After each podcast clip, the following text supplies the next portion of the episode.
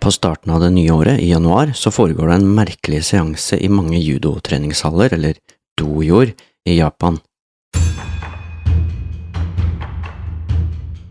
Det føres høytidelig inn en tønne med sake, altså risbrennevin, og deretter så hamrer noen høyt graderte og gjerne litt eldre tilårskomne judoutøvere eller judotrenere løs på toppen av tønna med noen svære trehammere, slik at lokket spretter opp eller blir knust.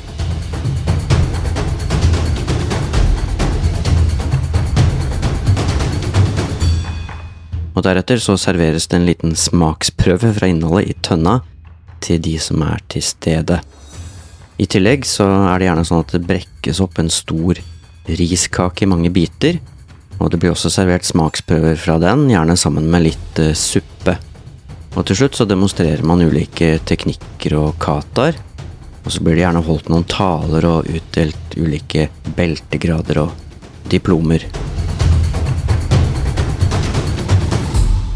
Og dette er egentlig en gammel tradisjon som Jigoro Kano videreførte da han utvikla judo og grunnla Kodokan som et senter for judo. Og på Kodokan så har de markert det nye året på denne måten helt siden 1884, hvert eneste år. Og denne markeringen kalles for Kagami Biraki. Kagami betyr speil, og Biraki betyr åpning, og speilet har en veldig viktig betydning i Japan og japansk eh, kultur og historie, og speilet regnes som ett av de tre japanske nasjonalsymbolene. De to andre er sverdet og så er det en juvel, en edelsten. Og ifølge japanske legender ble disse tre gjenstandene ført til jorden, og nærmere bestemt til Japan, av Ninigi no Mikoto, som er en gudeskikkelse som kom ned til jorda. Eh, en gudeskikkelse i japansk mytologi. Og Ninigi no Mikoto skal da ha vært oldefaren til Japans første keiser, som het Jimu.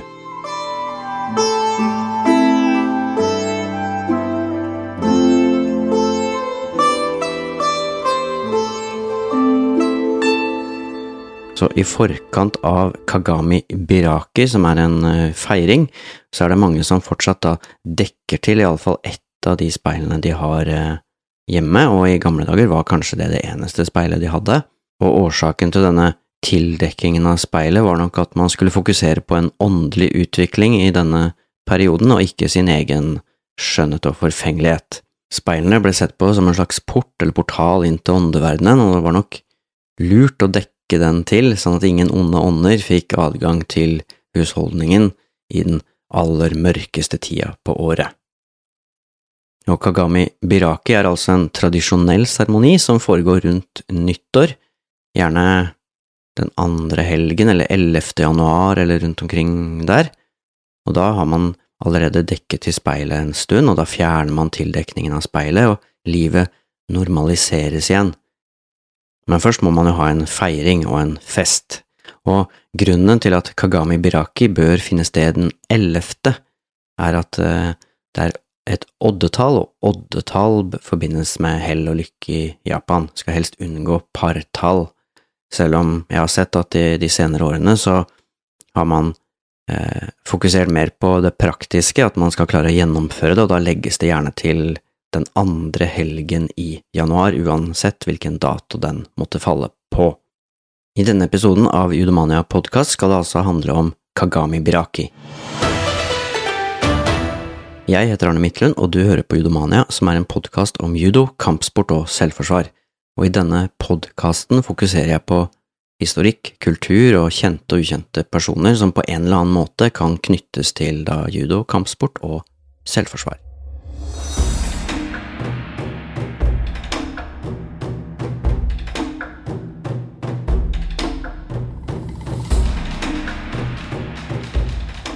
I denne episoden skal det handle om Kagami Biraki. Og Kagami Biraki er en fest, kanskje den største festen i Japan i løpet av et år.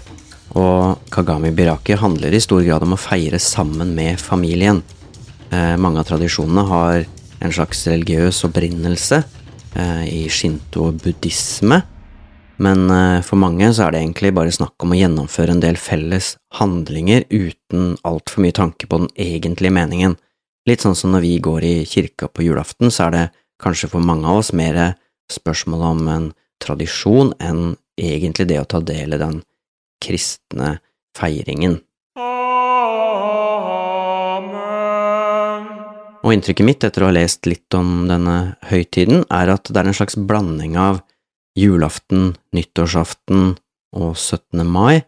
Man er sammen med familien, framsier noen bønner og kommer med offergaver til buddhist- og shinto-templene.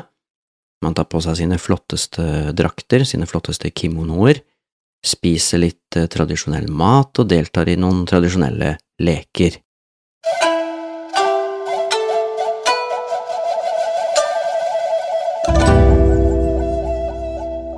I det ellers travle Japan så er det også rom for å være litt ekstra sammen med familien. Fedrene var jo, og er, i større grad ute i arbeidslivet enn mødrene, og fordi de fleste arbeidsplasser holder stengt under Kagami Biraki, så kan da fedrene være litt mer hjemme sammen med familien. Og i det tradisjonelle Japan så er det også sånn at mange av matrettene som serveres i denne høytiden, serveres kalde fordi mor, det var jo gjerne, og er fortsatt slik, at det stort sett er hun som kokkelerer, skulle da få noen dager fri fra husmoroppgavene. Som så mange andre fester med røtter i riktig gamle dager, så har også mange av de japanske festlighetene sin opprinnelse i årstidene, jordbruket, avlingene og sånne ting. Man levde jo mer i pakt med naturen og organiserte livene og kalenderne sine mye mer etter eh, vær og vind og årstider og, og avlinger og innhøsting og, og, sånne ting. Og denne typen fester kalles i Japan for sekku, og det er altså fester som er knyttet til ulike årstider eller sesonger, og Kagami Biraki er altså den aller største og viktigste av disse festene.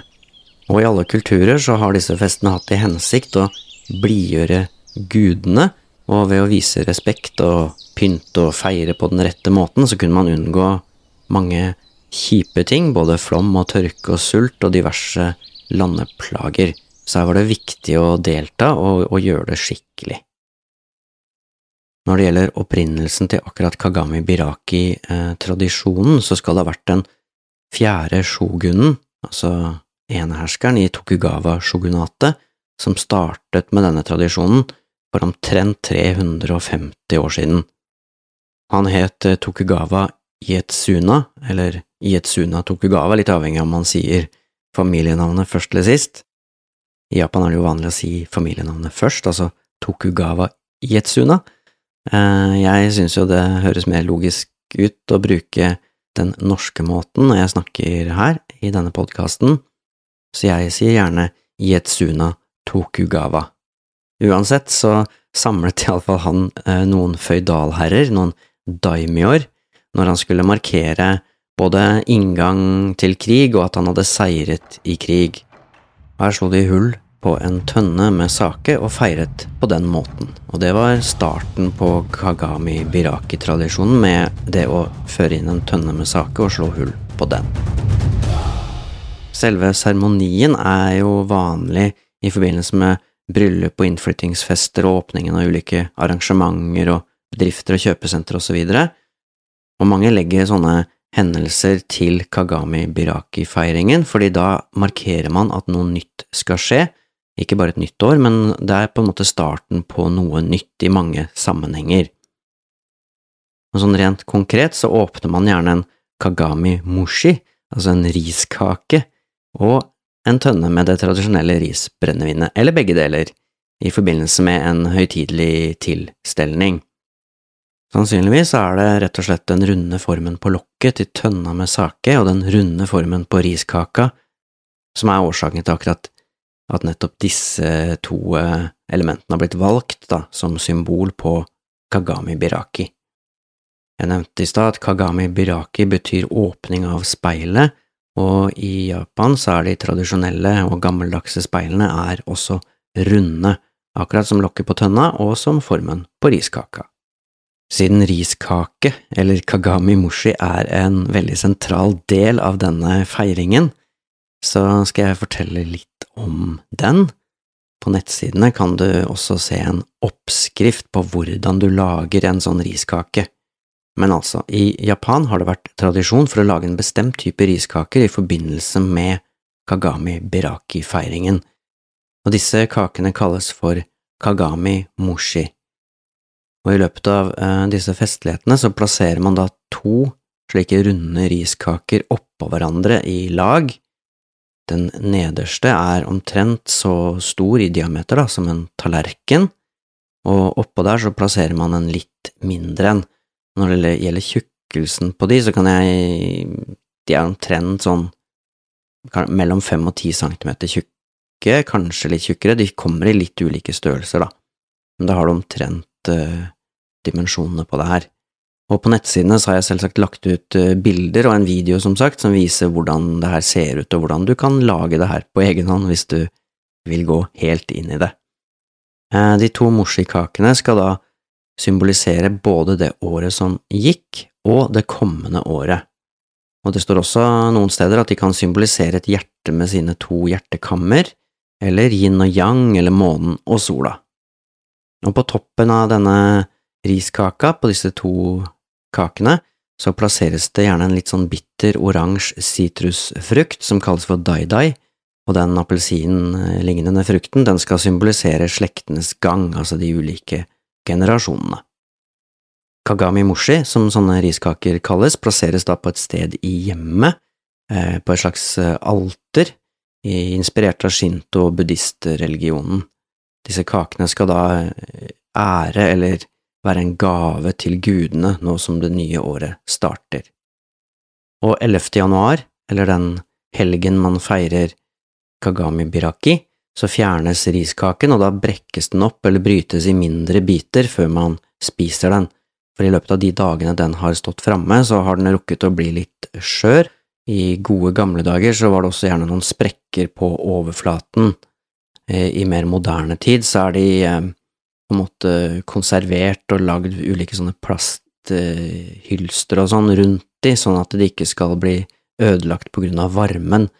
Men i gamle dager var det jo litt kaldere i Japan i januar, og man hadde ikke alle de varmekildene man har nå, så da holdt kaka seg fint, og, og den sprakk da som sagt opp på overflaten.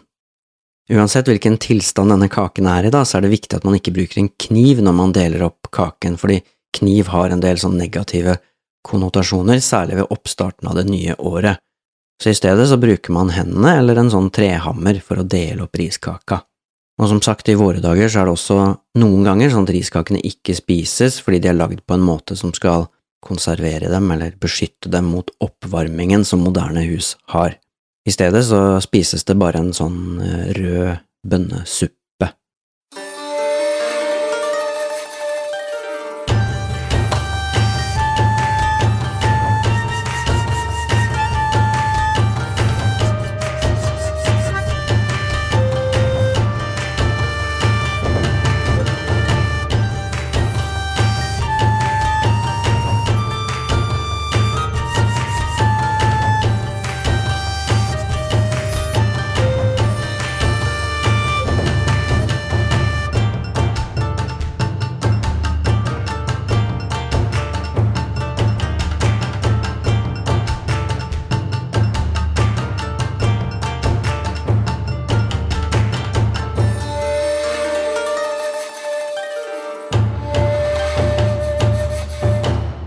Kagami biraki er viktig i mange japanske kampformer, og ikke minst i judo, eh, blant annet fordi Jigoro Kano la vekt på dette her allerede ja, fra to år etter at han eh, grunnla judo, altså i 1884, og som jeg nevnte i starten av denne podkasten, så har man feiret Kagami Biraki på Kodokan hvert eneste år helt siden 1884, så der har du et eksempel på en veldig gammel tradisjon som fortsatt er i, i holdes i live, da. Og i eh, kampsportsammenheng så bruker man Kagami Biraki-seremonien for å markere starten på vintertreningen og et nytt treningsår. Og allerede mot eh, slutten av det foregående året, altså sånn i slutten av desember, så har man begynt å gjøre skikkelig rent i dojoen, altså i treningssalen, og man eh, snekrer og fikser eventuelle skader, man pusser speilene litt ekstra godt, og man gjør alt veldig pent og ryddig. Og i noen dojoer så gjør man også denne tradisjonen med at man strør salt rundt i treningsrommet. Og strø salt er en sånn gammel renselsesprosess. For de som har sett uh, sumokamper, så er det det samme man ser der, der utøverne kaster salt over skulderen før kampstart. Og salt er altså det tradisjonelle symbolet for renhet i Japan. Og etterpå så kostes da saltet bort ved hjelp av en, eh, en kost som er lagd av kvister fra pinjetreet. Etter at dojoen da er skikkelig ryddet og renset, så er det klart for å pynte, og i det gamle Japan så hadde selvsagt alle pyntegjenstandene stor og symbolsk betydning, men akkurat som i vår del av verden, så har gjerne betydningen av sånne skikker og gjenstander blitt litt borte med årene, og nå er det ikke mange som tenker på den opprinnelige og egentlige betydningen av alt man gjør, nå er det egentlig bare snakk om å pynte litt, og det kan jo også være hyggelig. På Kodokan, som er eh, på en måte judoens vugge, så innledes gjerne festlighetene med en tale av en høyt gradert utøver og presidenten på Kodokan, og deretter er det vanlig at man får se de mest kjente kataene demonstrert. Det velges gjerne ut uh, noen veldig erfarne utøvere, og så er det syv kataer som demonstreres. Og til slutt så er det gjerne en overrekkelse av forskjellige beltegrader og diplomer til noen av utøverne. Og enkelte ganger så har jeg også sett at medlemmer av keiserfamilien har deltatt på arrangementet, så dette er store greier. Når det gjelder Kagami Moshi, eller riskaken, så har jeg også sett at den er plassert på et eh, prominent sted i dojoen, og jeg har eh, skjønt at eh, det også serveres da riskaker mot slutten av arrangementet sammen med for eksempel rød bønnesuppe, men jeg har ikke sett noen eksempler på at det drikkes sake på disse arrangementene på Kodokan.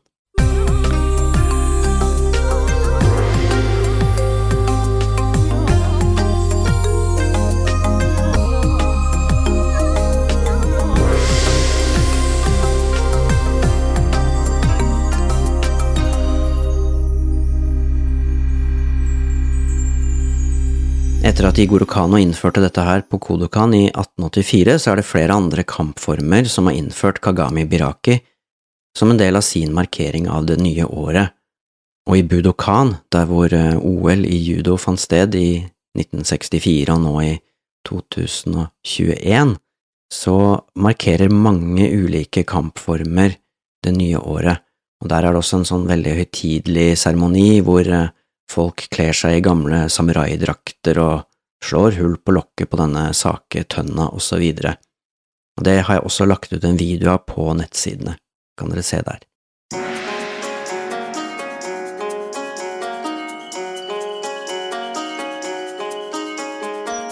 I kampsportsammenheng så markerer altså Kagami Biraki eh, gjerne starten på vintertreningen, den første treningen i det nye året, og den kalles også for hatsugeiko. Det begrepet betyr akkurat det. Hatsugeiko betyr altså den første trening. Og denne første treningen har gjerne en litt større mening enn selve treningen i seg selv. Her er det liksom viktig at den innsatsen du gjør, og det du viser her, danner liksom basis og grunnlaget for resten av året. Og her er det vanlig at man gjør en litt ekstra innsats, fordi denne treningen tradisjonelt sier litt om hvilken dedikasjon du har til den kampformen du trener.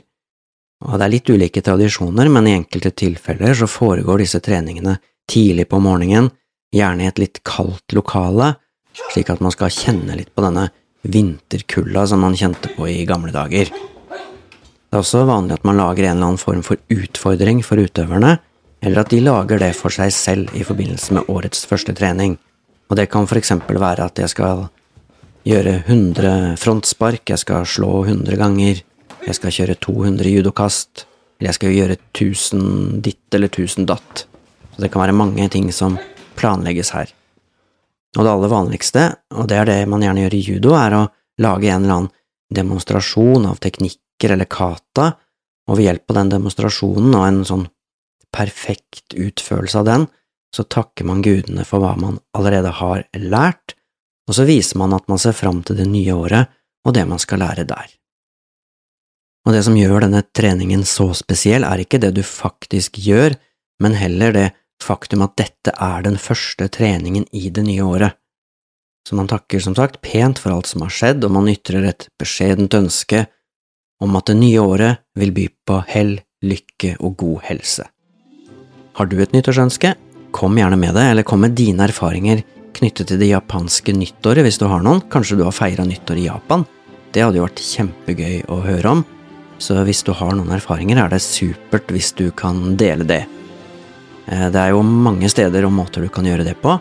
Du kan eksempel prøve nettsida judomania.no podkast, og der kan du trykke på den blå knappen. Det er veldig gøy. Og er du ikke så glad i blå knapper, så er ikke det noe problem, for det finnes kommentarfelt både her og der, f.eks. på nettsidene judomania.no podkast. Men det er det på tide å avrunde denne episoden. Likte du det du hørte? Tips gjerne andre om Judomania, både nettsida og podkasten. Det var alt for denne gangen. Takk for at du hørte på. Ha det bra.